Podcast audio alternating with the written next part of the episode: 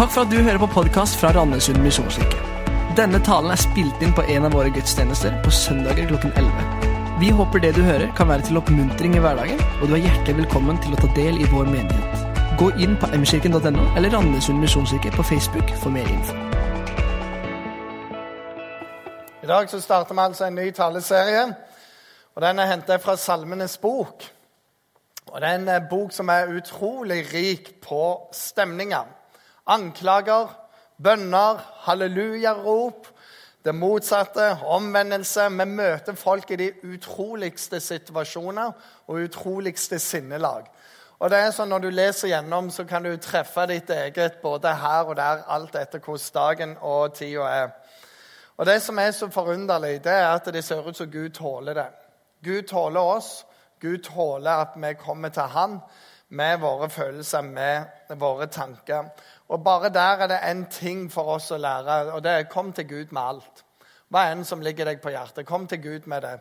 Øs det ut fra Herren. Vi leser om igjen og om igjen i salmen. Av og til kan jeg være sjokka over Sier du virkelig det til Gud? Og du har til og med lagd en sang ut av det. Det er jo helt utrolig. Jeg er så rasende på deg, Gud. Halleluja. Og vi starter i det hjørnet i dag. Det er denne følelsen når jeg er rasende, og som er lagt til gjerne på Gud. Men når jeg er rasende, når jeg er sint, når det bare eksploderer eh, Og det er jo sånn, eh, sier noen, at eh, 80% av oss mannfolk reagerer gjerne med sinne når en situasjon blir ukontrollerbar.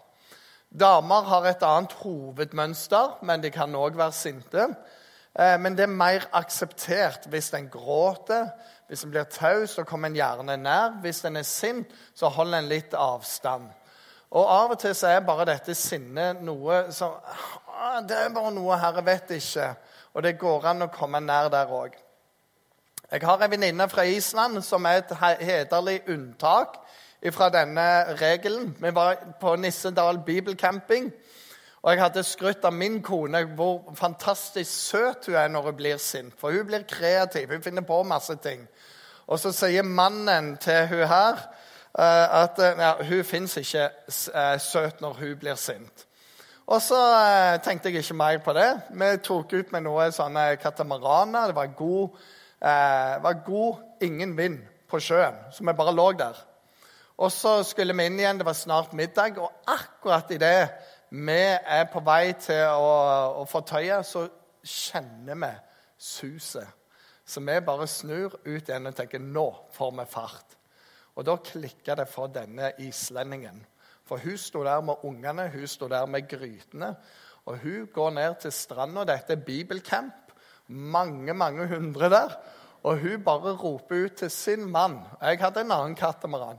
'Sveinung, nå kommer du inn!' Og du bare Og, og det var sånn. Og, og, du ser alle mannfolk på hele campingplassen gikk tilbake til der de egentlig burde være. Jeg òg. Det var ingen tvil om det. der. Og når vi hadde fått tøy, så sa jeg til han, det stemmer det. Hun fins ikke søt når hun er sint. Og hvis du er forelder, så kan det jo være at det har kommet noe ukontrollert ut en eller annen gang. Grunnen til at jeg har denne tematikken, det er jo at eh, jeg er veldig kjent med dette fra min barndom av. Fire-fem dører i huset vårt har jeg sparka i stykker. Så når vi endelig eh, bygde vårt hus, er alle dører i heltre. I tilfelle noen av mine barn arver meg. Min mor var hjemmeværende, men jeg måtte begynne å gå i barnehage for det om. Fordi jeg eh, hadde ingen lunte. Vet, Folk har kort lunte, jeg hadde ingen. Og det var om å gjøre å lære meg å telle til ti før jeg eksploderte. Det hadde de et toårsprosjekt på i barnehagen. Jeg fikk aldri være, alene med min ene bror fordi han har naturgaven til å terge.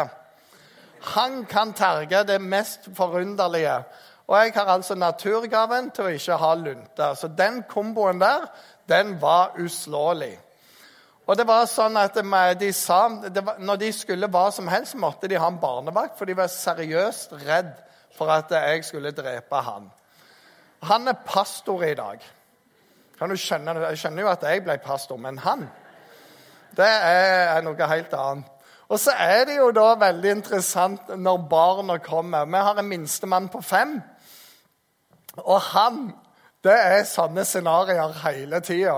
Hvis jeg åpner døra til hvilket som helst rom, og han hadde tenkt det inni seg, så blir han rasende for det eller legger seg ned og hyler, for han hadde jo tenkt det. I, påske, nei, i vinterferien nå så var vi oppe på Hovden. Og han sto eh, på, eh, på, i, i skitrekket, og av og til gikk det bra, av og til gikk det ikke bra. Når han falt, så var det vår feil. Og det var helt mislykka, dette her, for alle kunne jo se at han ikke kunne stå på ski. Og det, var, og det var bare det ene og det andre hele tida. Og det er vår feil stort sett. Det er vår feil hvis han søler på seg. Det er vår feil bare uansett, og det kommer ut, dette her. Og så er det jo noe søtt, da. Når vi legger han på kvelden, så kan jeg ta han og, og kose litt med han. Så sier jeg vet, 'Pappa elsker deg.' Mm, sier han. 'Jeg vet det.' Og når Katrine legger han, så sier jeg, 'Du vet' Sondre heter han. 'Sondre, jeg elsker deg til månen og tilbake.' Så ser han på, eh, på sin mor, og så sier han 'Men jeg elsker deg til verdensrommet og tilbake'. Og for å virkelig ta, på, ta i, så sier han 'Jeg elsker deg til Jesus og tilbake igjen'. For det må jo være det største av alt, å elske deg til Jesus og tilbake. Og det lager jo en grei bro inn til det vi skal snakke om. For i dag er vi i Salme 44. Og før jeg går inn i selve teksten, så er det et par ting vi trenger å vite. Og det er hele den fromhetskulturen som preger en troende jøde. Noe av dette er at når du lagde en avskrift av Bibelen, eller Toraen, og det var én tøddel feil, så heiv de hele greia. For han var ikke hellig skrift lenger. Guds navn er så hellig at du ikke kan nevne det. Derfor ble det problem med Jesus, som også kalte seg Guds sønn. Og Istedenfor å si Gud, så kunne en si Herren, men det var gjerne kraften fra det høye. Det var gjerne den allmektige fordi navnet var så hellig, og du skulle ikke eh, misbruke Guds navn, så det står i budene. Så hvis vi har det litt i bakhodet når vi leser teksten her, så er det veldig interessant. Og det begynner egentlig nokså greit her. Det, det, begynner veldig flott. Vi leser det et godt stykke, men følg med. Til korlederen av korasangerne, en læresalme. Gud, vi har hørt det med egne ører. Våre fedre har fortalt oss om den gjerning du gjorde i deres tid, i gamle dager. Med din hånd drev du, ut, eh, drev du folkeslagene bort, men du plantet våre fedre. Du for ille med folkene, men lot våre fedre slippe billig, eller fri. De tok ikke landet med sverd. Deres egen arm ga ingen seier. Det var din høyre hånd og din arm og lyset fra ditt ansikt for du hadde dem kjær. Bare du er min konge og Gud, som byr at Jakob skal berges. Ved deg støter vi fienden ned, ved ditt navn tråkker vi på den som står oss imot. For jeg setter ikke min lit til buen, det er ikke sverdet som redder meg. Nei, du har frelst oss fra fienden. Dem som hates oss, gjorde du til skamme. Og dette bare bygger og bygger. Det er du, Gud, som har gjort alt. Vi har hørt historiene. Alt fortelles oss. Det er skrevet ned. Det er du, Herre. Det er ikke oss. Vi er ikke sterke med ingenting, men du, Herre. Vi fryder oss alltid i Gud. Vi priser Hans navn til evig tid. Likevel har du støtt oss bort og ført skam over oss. Og du dro ikke ut med våre herrer. Nåtiden står ikke i stil til historien. Du lot oss eh, vike tilbake for fienden, de som hatet oss, røvet til seg bytte. Du har gjort oss til slaktefe. Ja, beklager. Der er vi. Der, så hele den første delen, hele første sliden, det handler om hva Gud har gjort. Han er stor. Og så kommer denne, som er det store. Likevel har du støtt oss bort og ført skam over oss. Du drog ikke ut med våre herrer. Du lot oss svike tilbake for fienden, de som hates oss, og røve til seg bytte. Du har gjort oss til slaktefe og spredt oss blant folkene. Du har solgt, til, eh, solgt ditt folk til sportpris. Du tok ikke stor betaling. Og hvis du tenker på hvor stor Gud er, hvor hellig Gud er, så er dette rimelig krasse ord. Og Han sier du har lurt oss. Du var god med oss, og så er du bare ond mot oss. Du har gjort oss til spott for våre naboer, til hån for dem som bor omkring oss. Det betyr du har svikta oss. Du ga oss håp, men du knuste det. Du har gjort oss til et ordtak blant folkene. Du lar folkeslag riste på hodet av oss. Og dette ordet jøde blir et skjellsord og en merkelapp. Det blir mobba, det blir tråkka på. Og gjennom alt dette her så er det en enorm anklage mot Gud. Vi leser òg i slutten her om vi glemte vår Guds navn og strakte våre hender mot en fremmed Gud, så ville vel Gud ha avslørt det, han som kjenner hjertets skjulte tanker. Men for din skyld drepes vi dagen lang, og vi regnes som slaktesauer. Og i dette så sier han noe om En ting er hvis vi hadde vendt ryggen til deg, begynt å leve sånn som andre gjør. Men vi har holdt fortet, vi har levd hellig, vi har gjort alt. Og likevel så svikter du oss. Hvor er du, Gud? Og så går det igjennom alt i, i, i sammen her. Hvor er, hvorfor belønner du meg på denne måten, for den trofastheten? Hvorfor blir livet mitt sånn da? Det begynte så bra. Historiene fra de andre. Men det vi erfarer nå, er annerledes. Og Det er veldig veldig viktig å minnes historiene. Jeg husker når Touchpoint var på bedehuset i Kristiansand. og Så kom en av de eldste der. og Han forteller om en historie hvor en av byens veldig aktive satanister hadde kommet inn, funnet en bibel, dynka den i parafin eller bensin. og Jeg vet ikke hvilken har de. Han prøver å tenne på, og det går bare ikke. Han prøver flere ganger og det går ikke. Og fyren knekker sammen og blir frelst der og da. Og han, som jeg kjenner, er en god, gammel mann nå, han går inn, tørker av Bibelen, alt det han kan få vekk. Og Så tar han papiret til side og så tenker han, jeg må jo sjekke hva dette er. Tenner på det og sier bare boff, med en gang.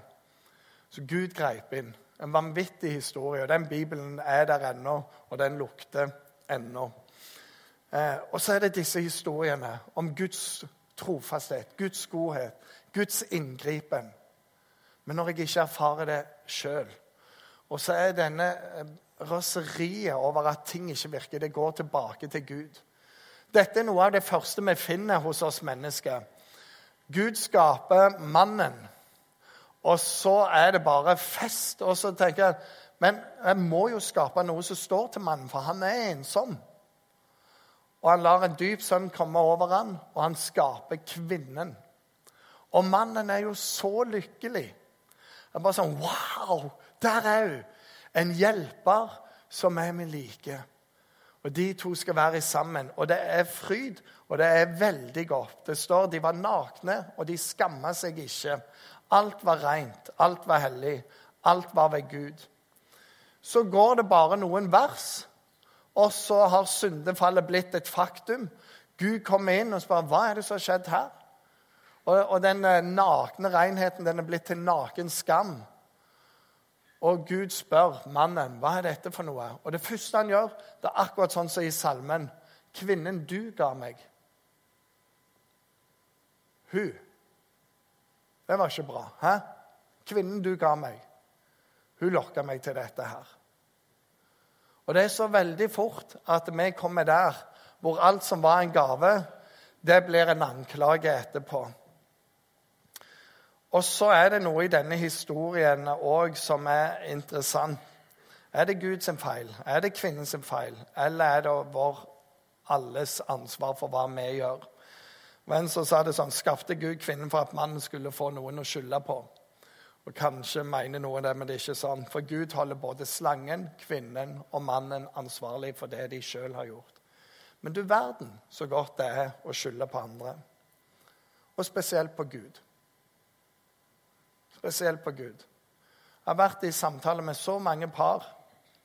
Og jeg, jeg jobber jo med veldig unge. Og De er jo overbevist om at Gud har ført dem sammen. Det skal være de de ber, og alt Gud sier ja, ja, ja, ja, det er jo dere to for evig tid. Og de er superforelska. Og så møter jeg de året etter de har blitt gift. Og det var visst vanskeligere enn hva de hadde tenkt seg. Og det er så mye feil med den andre. Ikke meg, og det, dette var Guds vilje, men hvordan kan vi ha det sånn når Gud sa at det var oss, og alt var bare ja? Og så er det noen som blir veldig sinte. Og kan si, 'Hvorfor stoppa du meg ikke, Gud?' Jeg trodde du ville jeg skulle starte business. Jeg ba, jeg søkte deg, jeg søkte råd, og så gikk jeg konkurs. Jeg jobba bare for deg gjennom livet. Jeg gjorde masse tjenester. Reiste på team, jeg reiste overalt. Men du ga meg aldri en ektefelle. Huset du leder oss til å bo i Gud, det har ikke vært en velsignelse. Det er så mye feil, det er så mye utgifter. Det tærer. Hvor er du i dette her? Jeg begynte å tjene i menigheten her. Jeg var seriøs. Og så ansetter dere en jærbu som pastor. Hvor er du oppi det, Gud? Og Av og til sier jeg sånn Det var ikke sånn livet skulle bli når jeg valgte å følge deg. Hvor ble det av helsa mi? Jesus forteller også en historie om det var arbeidere som ble kalt ut på marka. Og arbeidsgiveren ga dem et løfte om sånn og sånn i lønn. Men når de skulle gjøre opp, så hadde de som jobbet én time, de fikk like mye som den som hadde jobbet tolv. Og de var jo sure, for de forventa mer. Og så sier jeg men jeg ga deg det vi var enige om. Ikke vær sur på min godhet mot noen andre. Men det er utrolig lett å blir rasende på Gud. Hvor er Gud når det stormer? Og Det står i denne teksten òg at hvor er du midt i stormen? Hvorfor er du taus, Gud? Men så ser vi òg at det fins noen andre typer sinne og, og som ikke bare retter mot Gud. I første Mosebok, kapittel 34, så leser vi om Dina, som var søster til Simon og Levi. De bodde i fremmed land, og en høvdingsønn ved navn Sikhem ser henne, begjærer henne, voldtar henne. Etterpå så blir han forelska i henne, utrolig nok. Og så går han og spør kan jeg få lov å gifte meg med hun. Men brødrene hennes de kjenner på dette raseriet som koker på innsida. Og sier det er ikke rett. Han har krenka henne, han har krenka hele vår familie. Så de legger en plan. Og så sier de på ett vilkår skal du få lov å gifte deg med vår søster. Og det er at du og alle menn i hele byen lar seg omskjære, for alle vi er omskåren. Og det må dere òg være. Ellers så går det ikke. Og Sikhem blir så glad for dette.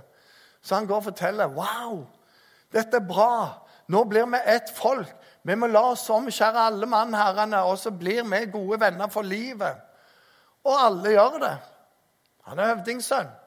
Og høvdingen lar seg omskjære. Nå skal vi bli ett folk. Og så står det på den tredje dagen, mens de ennå lå syke, mens de ennå hadde det vondt, så tar disse to karene, Simon og Levi, går gjennom hele byen dreper alle mannfolk, stjeler alt av verdi, alle dyr, og tar med seg alle damer og alle barn. Det er en hevn som er uten sidestykke. Gud hadde sagt øye for øye, tann for tann. Og det er ikke sånn det må du gjøre, men det er begrensningen. Det er en begrensning, for hevnen har ikke noe ende Den er bare så stor har du såra meg, så skal jeg ta igjen, og du skal få tidobbelt. Nei, øye for øye, tann for tann. Maks, ikke minimum. Men de klarer ikke å styre seg. Og dette ødelegger jo for alle. Faren han blir helt uh, slått sånn Hva er det dere har gjort? Og De må flykte derifra. Ikke bare de to, men hele slekta, alltid sammen. Og de må leve med dette hele livet sitt. Og når Jakob, som faren heter, ligger på det siste, og han skal be sin velsignelse ut over alle sammen, så ber han denne bønnen om de to. Simon og Levi er brødre. Nei, det var neste. Simon og Levi er brødre. Våpnene deres er et redskap for vold.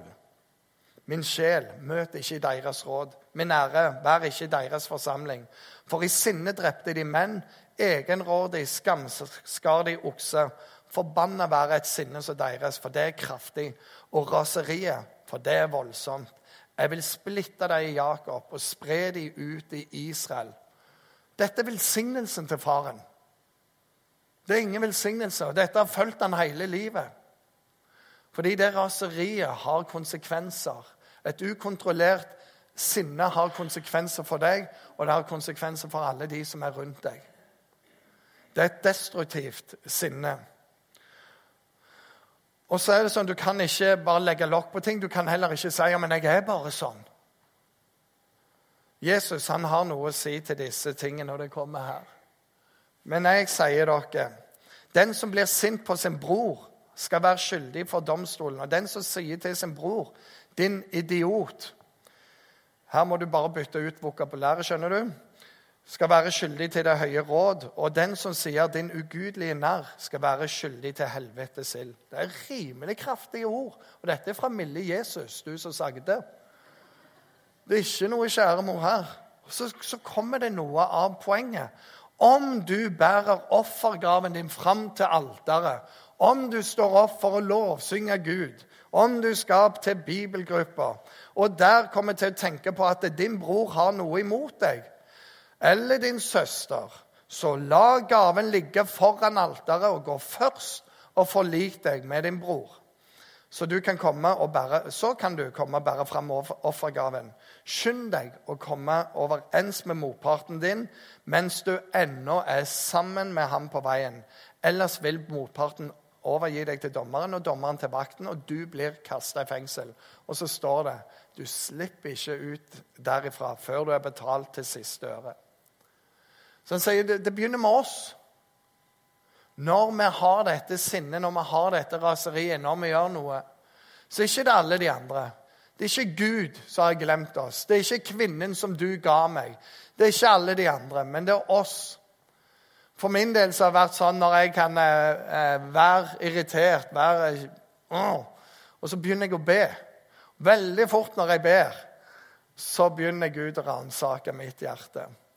Og så ender bønnene mine ganske annerledes enn hvor de begynner. For det blir kobla inn. Og rett som det er, så vet jeg jeg må si unnskyld til noen. Og det er veien å gå. Og så sier eh, Jesus, eh, eller Romerbrevet sier dette. Ta ikke hevn, mine kjære, men overlat vreden til Gud.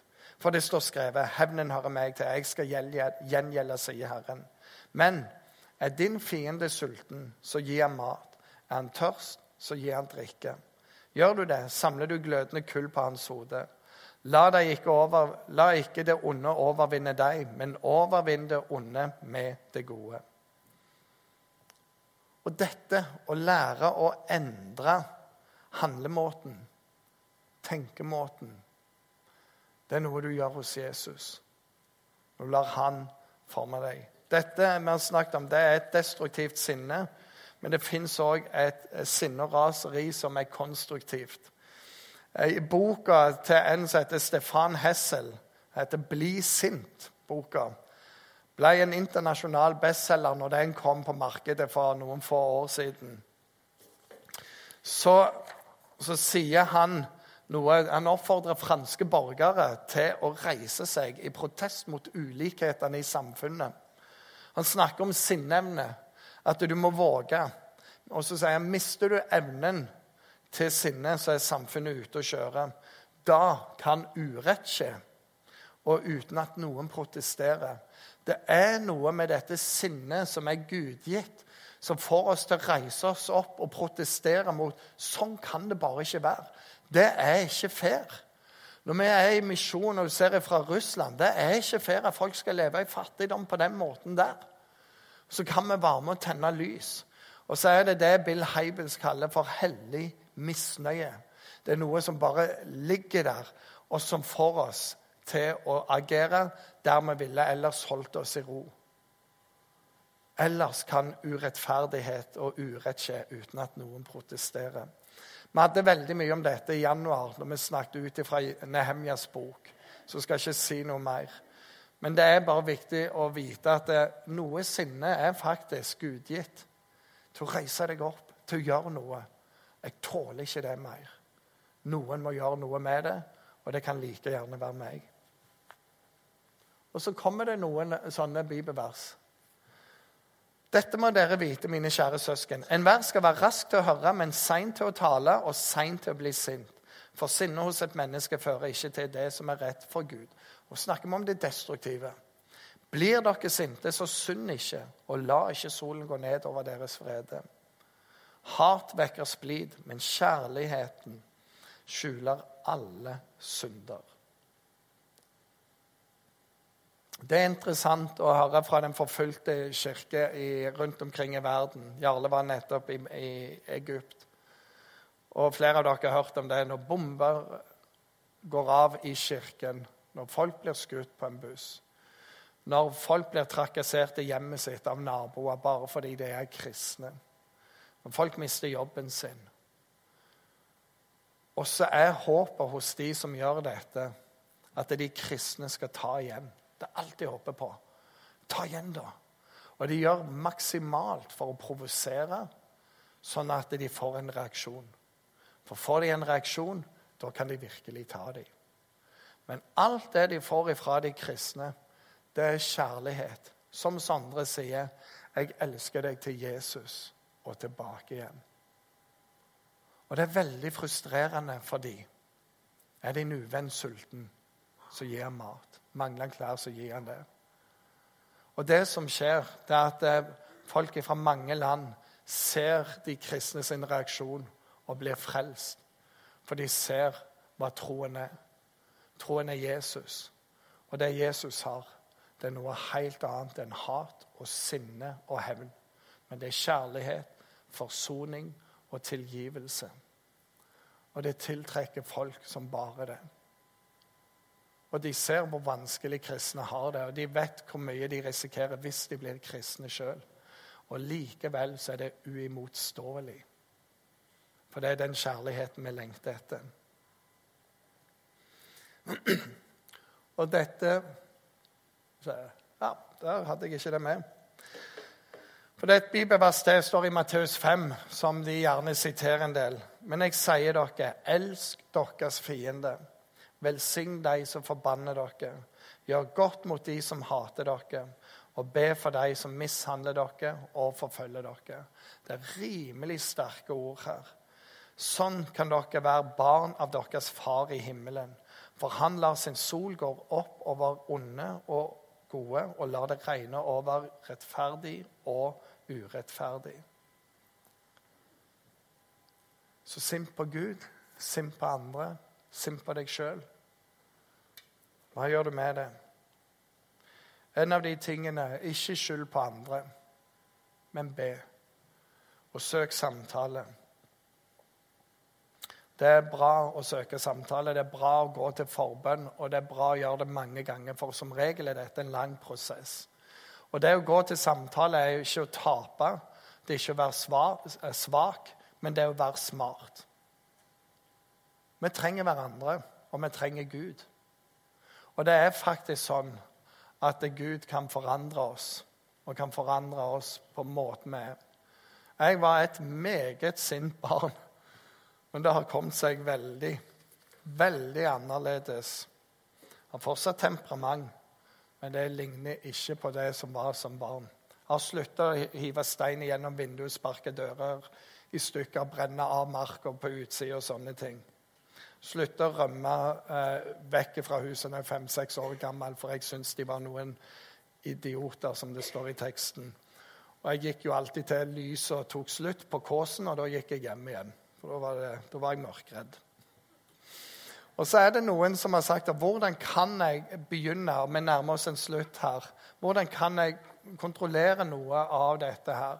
Så sier det første lær deg å kjenne igjen eh, eh, sinnesignalene dine. For de er litt forskjellige. Er det sånn du kjenner det, håret reiser seg, du kjenner varmen stiger? Er det sånn det pipler? Noen kan kjenne at musklene strammer seg, spytt, slimhinner tørker. Hva er det som skjer med deg når du kjenner dette er ei anmarsj? Se på de signalene der. Kjenn igjen det. Og det neste punktet da, Legg en plan for å utløse den energien. For én ting å la den bare komme ut over alt og alle. Og du kan ødelegge et helt liv på sekundet. Tillit tar det år å bygge opp, og det tar sekunder å rive det ned. Så hvordan kan du lære deg andre måter å få det ut på? Og For noen så er det det løp en tur, gå en tur. Fysisk aktivitet hjelper utrolig på for de fleste. Du får det ut i, i kroppen og ut av kroppen. Så bestem deg for en type aktivitet du kan ty til når du er sint. Og så må du da informere de andre om planen din. For det er klart, Hvis du fyker ut av huset når du kjenner dette er for mye å takle her, så lurer jo de andre på hva skjedde nå. Men hvis de vet nei, nå koker det bare litt, må ta seg en luftetur, og så kommer vi inn igjen, og så kan vi snakke om ting. Eller så roer seg. Så, så er det veldig bra. Og du må jo spesielt snakke med de nærmeste. For det er ofte med de nærmeste det koker mest over med. Så det er lær deg å kjenne igjen sinnesignalet ditt. Legg en plan for å utløse den energien. Informer de andre, spesielt de nærmeste. Repeter planen for deg sjøl hver eneste morgen. Vil du ut av dette, så hva er det jeg gjør? Ja, jeg må kjenne igjen, jeg må gjøre dette her. Og så det siste sier følg planen. Lett å vite, men det å følge er noe annet. Og så sier de NB. Dette er kun førstehjelp. For hvis du har et problem med sinne og har et problem med undertrykt sinne Jeg er ikke sint, jeg. Fins ikke sint. Og nei da, jeg kontrollerer det. Men alle rundt deg går på nåler. Da har du et problem. Så sier de som har skrevet dette her Da trenger du faktisk mer hjelp. Og oppsøk den. Og Vår hjelp finner vi hos Jesus, og vi finner det i fellesskapet, i forbønnen, i samtalen. Gud har lagt ned sinnet som en del av muligheten vår. Det fins ei god side av han, men det fins ei veldig destruktiv side av han òg. Og Så ser vi i denne salmen her at Gud tåler det sinnet når vi hiver det til Han. Hvor er du, Gud? Og så må vi bare passe oss at vi havner i hans armer. At det er der vi synker sammen. Når jeg ikke klarer å gå, så lar jeg ham bære meg. Når jeg ikke orker, så er jeg fortsatt trofast for det. Og så har jeg lyst til å si til et par av dere ikke gi opp. Ikke gi opp. Et tilbakeslag, et tilbakefall, er ikke det samme som at du mislyktes. Av og til så er det sånn. Men bare fortsett, for det fins en ny morgendag. Den er med Jesus. Så hold deg i Skriften, hold deg i menigheten. Så hashtag 'den følelsen' når jeg er rasende, når jeg er sint. Hva gjør jeg med det? Vi gjør ikke som, eh, eh, Simon og, og broren, men vi lærer av Jesus på det. Skal vi be? Himmelske Far, jeg takker deg for ordet ditt. Jeg takker deg for denne salmen her, som det er helt ute av kontroll. Vi sier så mye til deg som ikke er verdig en hellig jøde. Så takker jeg deg for at du tåler det hos oss. Herre, du frelser hele oss. Og så ønsker du å få lov å forme oss nærmere og nærmere bildet av Jesus. Herre, må du hjelpe oss sånn at det er noe i oss som blir en hellig vrede. At vi står opp for ting. Sånn kan det ikke være. Og så må du hjelpe oss sånn at vi lærer nye måter når følelser kommer, når følelser er overveldende. At det ikke ødelegger for oss og ikke ødelegger for de som er rundt oss. Men lær oss å bruke dette konstruktivt. Og lær oss ditt hjerte, Herre. Jeg ber om det i Jesu Kristi navn. Amen.